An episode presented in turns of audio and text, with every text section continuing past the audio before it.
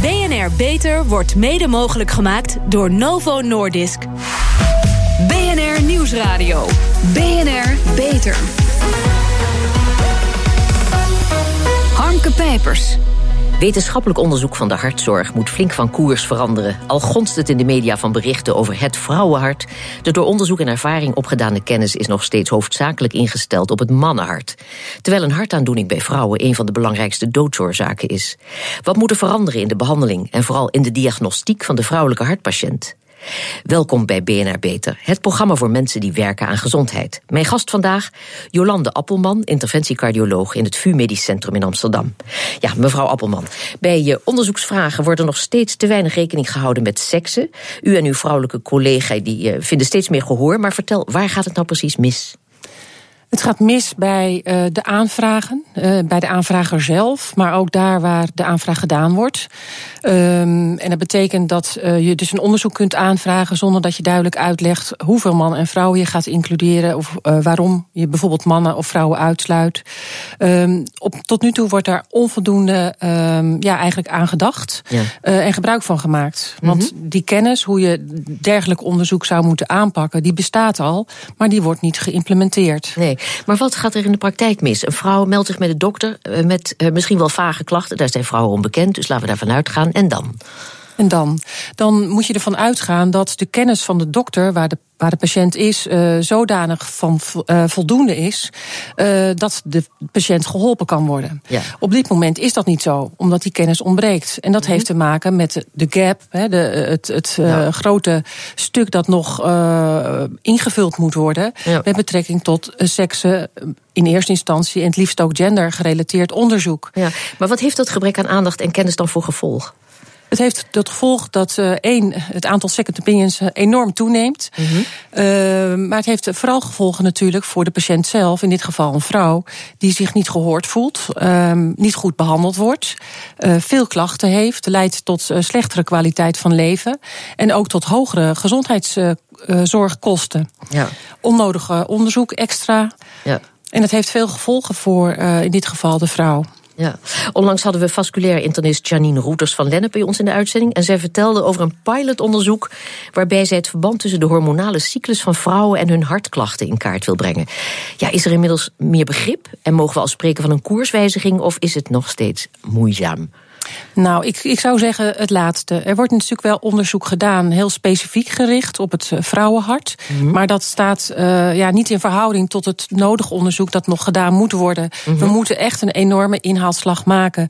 Destijds zijn vrouwen uitgesloten van die onderzoeken, juist omdat ze hormonale wisselingen hadden. Ja. En het bracht je onderzoeksresultaten natuurlijk in de war. Ja, geestig, maar nu, uh, ja, ja, dat is natuurlijk bizar dat je die er juist uithaalt, terwijl het uh, daily practice is. Ja. En we nu eenmaal daarmee te maken hebben. Ja, ik hoorde Janneke Witterkoek, die vertelde bij ons in de uitzending inderdaad dat uh, proefdieren dan, als het vrouwelijke proefdieren waren, dan moesten toch die uh, uh, de eierstokken en, en het baarmoedertje moest eruit. Ja, want dat, dat, was lastig. Dat was zo lastig. Ja, ja terwijl het daar nou juist om gaat. Maar ja, het probleem van te weinig aandacht voor de verschillen tussen mannen en, en vrouwenlichaam speelt niet alleen in de cardiologie, toch?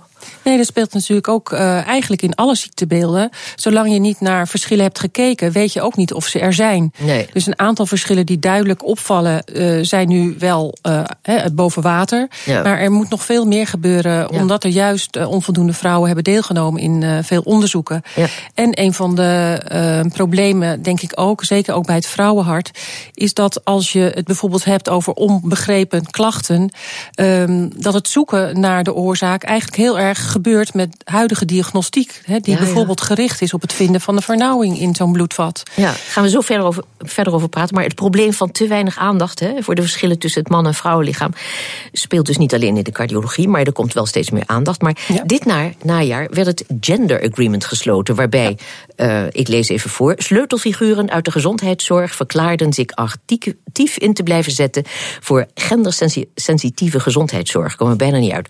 Dat was een mooi moment Op de foto vijf mannen en vier vrouwen, waaronder koningin Maxima. Zet dit zoden aan de dijk? Nou, ik denk wel dat het een eerste stap is. Um, ik denk als je het op het netvlies krijgt van dusdanige mensen die uh, belang, uh, belangrijke plekken uh, vervullen, dat het allicht helpt. Maar je moet natuurlijk wel vinger aan de pols houden ja. en ze af en toe bij de nek grijpen en zeggen van hoe zit het? wat ben je aan het doen? Waar ben je mee bezig? En laat maar zien hoe je, ja. hoe je dat aan hebt gepakt. Het verschil tussen man en vrouw begint al bij de manier waarop hartproblemen zich uiten. Hè? Dat is al een probleem. Ja, dat is eigenlijk al een probleem. Uh, het maakt uit, uh, één, uh, weten we inmiddels dat het ook uitmaakt of je man of een vrouw als arts voor je hebt zitten. Maar zeker natuurlijk ook als patiënt, is dat een mm -hmm. man of een vrouw. Ja. we hebben heel erg in de boekjes geleerd de pijn op de borst met uitstraling naar de linkerarm. Ja. Dat zien we toch minder frequent bij vrouwen, die vaak meer klachten hebben en onduidelijker ja, in hun uiting zijn van klachten. Ja. En, um, en daarbij... zijn die hartproblemen bij vrouwen dan wel te herkennen? Nou, dat blijft natuurlijk toch moeilijk. Mm -hmm. in zoverre dat ze ook wel pijn op de borst hebben. Dus daar moet je aan denken. Je moet de vrouw nemen uh, als geheel. Dus inclusief al de risicofactoren voor hart- en vaatziekten. Dus als die al aanwezig zijn, is de kans dat het met het hart te maken heeft natuurlijk groter. Leeftijd is natuurlijk van belang. Hè. Na ja. de overgang nemen de risicofactoren toe bij vrouwen. Ja. Veel vrouwen weten dat niet. Dus al die, dat hele samenspel maakt dat je als arts uh, denkt, uh, misschien ook natuurlijk graag ook als patiënt, denkt aan hartklachten. Ja. Maar het probleem daarna is dat bij een deel van die vrouwen niet het bekende vernauwing wordt gevonden in die bloedvaten. En er ja. dus ook eigenlijk lang gezegd is: ja, het is niks. We, maken een hart, we doen een hartkatheterisatie en we zien daar geen vernauwing in die bloedvaten. Ja, want dat zit vaak in die kleine haarvaatjes. Hè? Ja, bij een deel van die vrouwen. En ook zeker niet uh, iedereen. En ook niet zwart-wit. Uh, want he, dat, dat is natuurlijk ook om te ja. voorkomen dat niet iedereen dit soort problemen heeft. Ja, maar tot op heden, wat is er aan die kleine haarvaatjes te doen? Ik heb begrepen tot nu toe vrij weinig. Hè? Tot nu toe vrij weinig. Ja. En er wordt in mijn, uh, in mijn mening is het dus ook dat daar veel en veel te weinig onderzoek naar gedaan wordt. Dat zou echt een belangrijke spurt moeten nemen. Omdat het om een grote groep gaat die nu ja, eigenlijk het bos in wordt gestuurd. Ja. Eén is de erkenning al heel fijn voor heel veel vrouwen.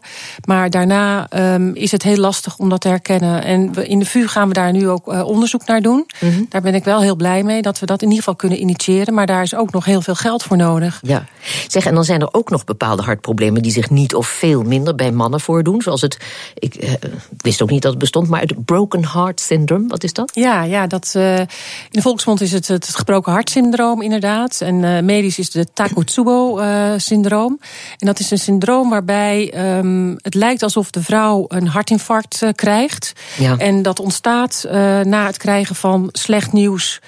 dus het gaat gepaard met een hele heftige emotie. En dus ook heel een grote release van ja, bepaalde stoffen in het bloedbaan. En het lijkt dus alsof die vrouw een hartinfarct heeft. Het komt vooral voor bij vrouwen van middelbare leeftijd. Ja.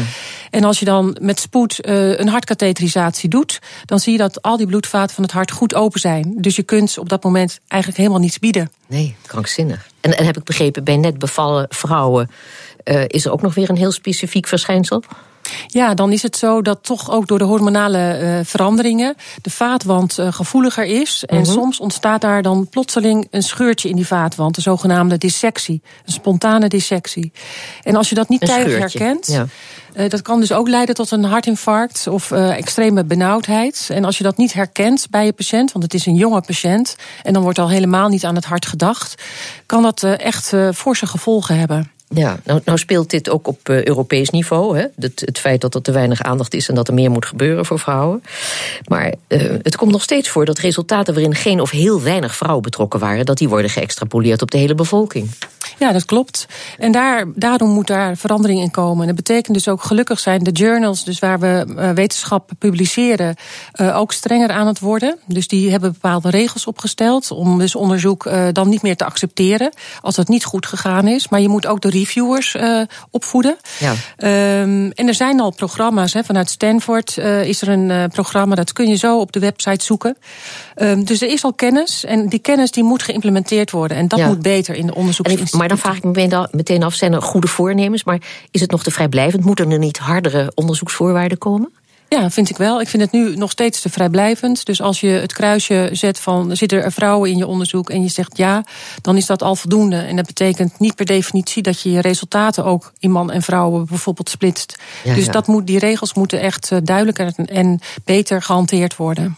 Dank, Jolande Appelman, interventiecardioloog in het VU Medisch Centrum in Amsterdam. De klassieke open hartoperatie gaat steeds meer tot het verleden behoren. In plaats daarvan doet de hartchirurg minimaal invasieve ingrepen. Daarover zo meer. BNR Nieuwsradio. BNR Beter. En daarin praten we vandaag over het hart. Komt u over twee weken nog eens terug? Dat is niet wat je wil horen als je je zorgen maakt om je hart. De hartafdeling van het Maastricht UMC heeft daarom een diagnostische straat ingericht... waar patiënten in korte tijd alle nodige tests kunnen krijgen. Verslaggever Hugo Reitsma nam een kijkje. Goedemorgen, mijn naam is Justin Luurmans. Ik ben uh, een van de cardiologen. En u bent uitgenodigd op uh, de Zorgstraat uh, bij ons. Ik zou zeggen, neemt u plaats.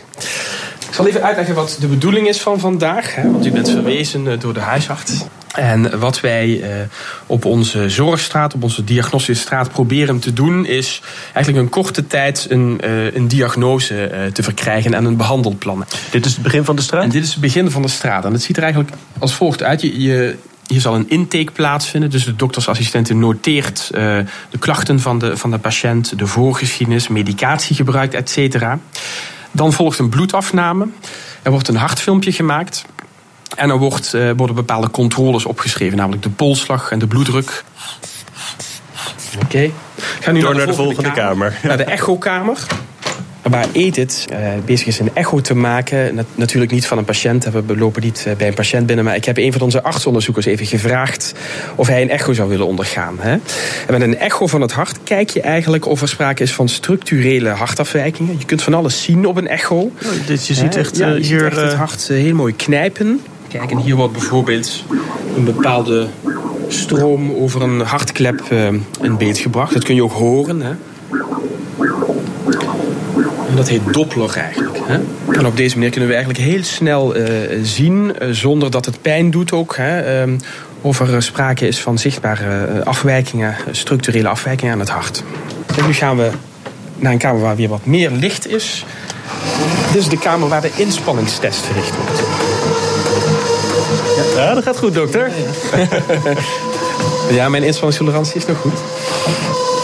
Dus hier um, ja, gaat de patiënt inspannen, proberen maximaal in te spannen. Dan maken we tijdens de inspanning een hartfilmpje. En dan kunnen wij ook allerlei dingen aan aflezen. Dus we kunnen bijvoorbeeld, dat is heel belangrijk, zien of er sprake is van zuurstoftekort van de hartspier. Wat zou kunnen duiden op kransslagadervernauwingen. En dat is um, wat we hier uh, doen. En dan zijn we weer terug aan het begin van de straat. Ja, ja nu zijn we eigenlijk op, in de dokterskamer. De, de patiënt heeft nu alle onderzoeken doorlopen. Dus de, de echo en de inspanningstest en de intake. En nu komt de patiënt bij de dokter voor het eindgesprek. Alle onderzoeken, uh, onderzoeksresultaten worden doorgenomen. En, uh, en, nu is het de bedoeling dat de dokter komt tot de diagnose en een behandelplan voor, uh, voor de patiënt. Ja. Ik, ik, doorloop de straat nu in een paar minuten. Hoe lang duurt dat in de praktijk? In de praktijk ehm, proberen we binnen twee uur dat een patiënt traject heeft doorlopen. Ja. Waarbij dus het belangrijkste is dat hij niet te horen krijgt voor de volgende test mag u over een week terugkomen. Nee, dat is een, een groot voordeel van de zorgstraat. Dat we eigenlijk ja, een hele korte tijd een, een, diagnose hebben. Dat is voor de patiënt heel prettig om te weten, want die weet meteen. Hangt van de diagnose af. Hangt natuurlijk van de diagnose af. Maar ook als dat minder goed nieuws is, is het wel prettig als je dat snel weet. Dan kun je ook snel een behandelplan daarop laten volgen. En ook voor ons als arts is het uh, uh, praktisch om het op deze manier te doen. Want wij kunnen co continu communiceren met Um, de hartfunctielaboranten die de inspanningstest en de echo doen. Die communicatie die... Uh, als je nog even een vraag hebt. Als je nog even ja, een vraag ja. hebt, kun je gewoon even bij elkaar binnenlopen. Ja. En dat werkt heel, heel, heel prettig, moet ik zeggen. Hoe krijg je dat georganiseerd als ziekenhuis, dat het allemaal zo efficiënt kan? Ja, het is natuurlijk niet voor niks dat uh, mensen vaak te horen krijgen... nou, over twee weken is er pas een plek in, in die en die machine. Of zo. Nee, nee, het is niet makkelijk om het zo te organiseren. Maar we hebben er wel bewust voor gekozen. Juist omdat het voor patiënten zo, uh, zo goed is. En dat ehm, ja, de, de, de wachttijd op deze plek is ook heel kort. Dus eigenlijk binnen vijf, zes dagen kunnen mensen hier terecht. Um, en uh, ja, wij vinden dit heel belangrijk. Um, en het vergt inderdaad wel wat, uh, wat moeite om het zo op elkaar af te stemmen. En het uh, vergt ook wat personeel. Um, maar wij zijn heel blij ermee dat we dit kunnen doen voor mensen. U hoorde cardioloog Justin Luurmans van het Maastricht UMC in een verslag van Hugo Reitsma. BNR Nieuwsradio. BNR Beter. Hierover ga ik verder praten met Patrick Klein, hart- en longchirurg in het Sint-Antonius ziekenhuis in Nieuwegein. Meneer Klein, voor de reclame spraken we met cardiologe Jolande Appelman. Heeft u gehoord over het gebrek aan kennis, over de verschillen tussen het mannen- en vrouwenhart. U bent hartchirurg. Vertalen die verschillen zich al in de chirurgie? Is uw vak veranderd op enige wijze?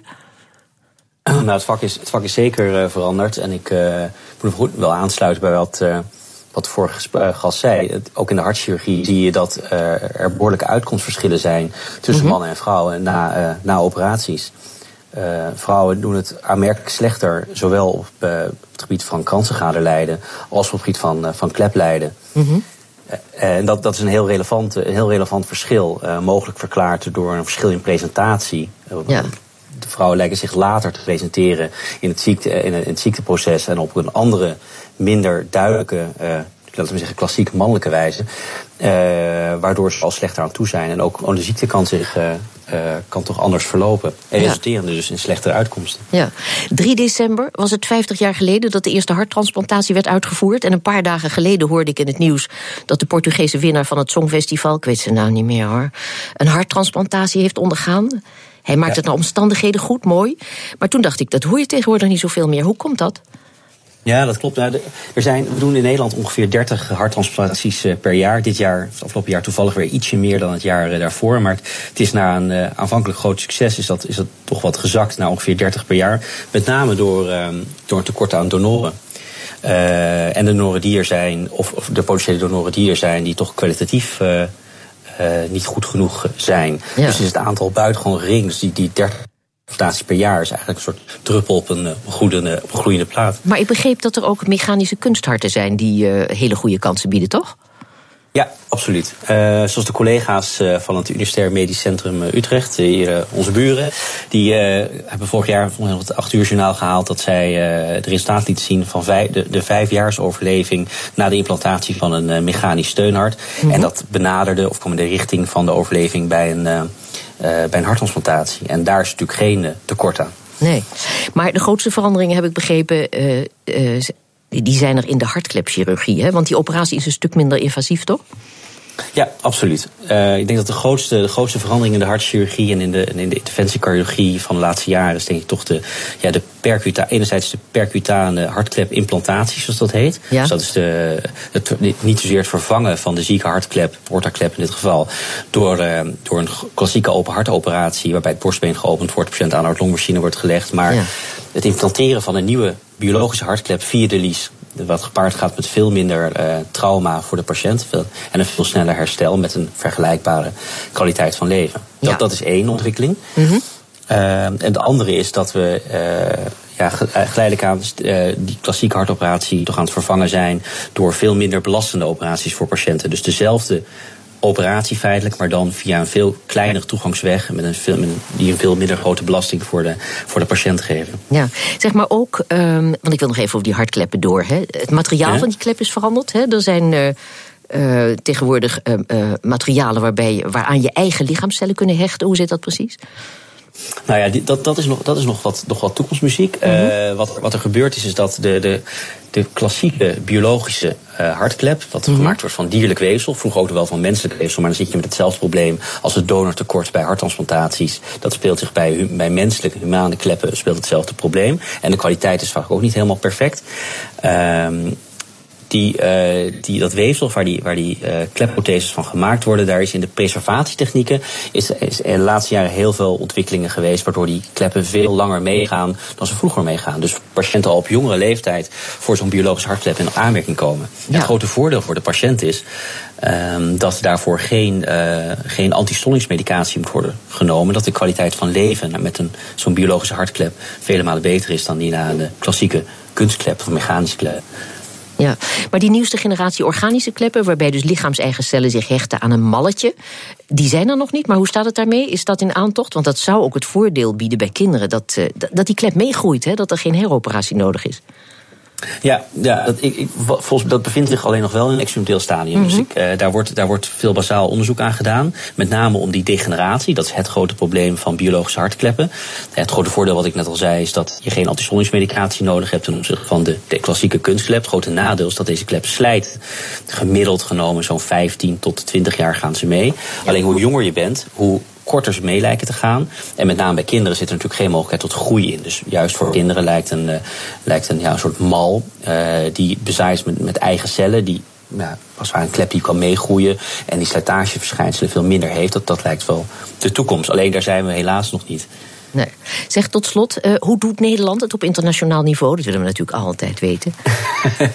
ja, eigenlijk, eigenlijk heel goed. Hè. We, uh, zoals, uh, ik denk in de algemene zin ligt onze gezondheidszorg op een heel hoog niveau. Voor mij scoorden we vorig jaar zelfs in de Euro Health Consumer Index uh, wederom op de eerste plaats. Op uh, de voet gevolgd door uh, Zwitserland en, en Noorwegen. En als ik onze resultaten van de hartchirurgie in Nederland vergelijk in Europees of wereldperspectief, dan denk ik dat die resultaten uitstekend zijn. Dat ons wel tot de kopgroep van, van de wereld behoren. Fantastisch, hartelijk dank. Patrick Klein, hart- en longchirurg in het Sint-Antonius ziekenhuis in Nieuwegein. Pioniers in de zorg. Onze zorgredactie speurt naar interessante medische innovaties binnen en buiten de muren van de universiteit. Waar werken ze aan en wat moeten wij hierover weten? Ja, Frederik Mol, hartcellen met een dag- en nachtritme. Ja, hartcellen hebben een 24 ritme. En dat ritme is zo sterk dat het eh, onderzoek en de behandeling uh, kan beïnvloeden. En onderzoekers zijn daarachter gekomen door stamcellen op te kweken tot hartcellen. En 24 uur lang de activiteit te meten. En uh, dat verschilde dus nogal. En wat levert die informatie ons op? Nou, het zou een verklaring kunnen zijn voor het afstoten van getransplanteerde hartcellen. Want zoals we nu weten, uh, maakt het dus wel degelijk uit op welk tijdstip je uh, proeven doet of medicijnen test. Ja, succesvol op het lab dus. Maar wordt dat ook al bij patiënten getest? Nu nog niet, maar door rekening te houden met dit 24 uur ritme zou het hart minder schade oplopen. En zouden getransplanteerde hartcellen wellicht dus beter aanslaan. Dat zegt ook cardioloog in opleiding Linda van Laken van het Universitair Medisch Centrum in Utrecht. En die doet hier uh, onderzoek naar. Laten we even luisteren. Een maand denk ik geleden is een klinische studie gepubliceerd... waarin ze een hartklepoperatie hebben gedaan in de ochtend of in de middag. En wat je zag is dat mensen die in de middag hun hartklepoperatie kregen... minder hartschade daaraan overhielden dan de mensen die in de ochtend geopereerd uh, waren. Dat past eigenlijk precies bij onze bevindingen in de en de cellen in kweek, dat ze op een bepaald moment van die 24 uur cyclus beter tegen schade kunnen dan op een ander moment. Dus in die zin zijn er misschien al klinische toepassingen denkbaar. Ja, alles wijst er dus op dat door rekening te houden met dat 24-uursritme echt heel veel schade aan het hart eh, kan worden voorkomen. Mooi, dankjewel, Frederik Mol. Ja, dit was het. Volgende week gaan we het hebben over seks. Ellen Laan en Henk Elsevier komen toelichten waarom er in de spreekkamer van de dokter vaker over seks gepraat moet worden. Tot zover deze uitzending van BNR Beter. Op bnr.nl slash beter en als podcast is deze uitzending terug te luisteren. We zitten ook op Twitter op BNR Lifestyle of mail uw opmerkingen of tips naar beter.bnr.nl. Ik ben Harmke Pijpers en graag tot een volgend spreekuur. BNR Beter wordt mede mogelijk gemaakt door Novo Nordisk.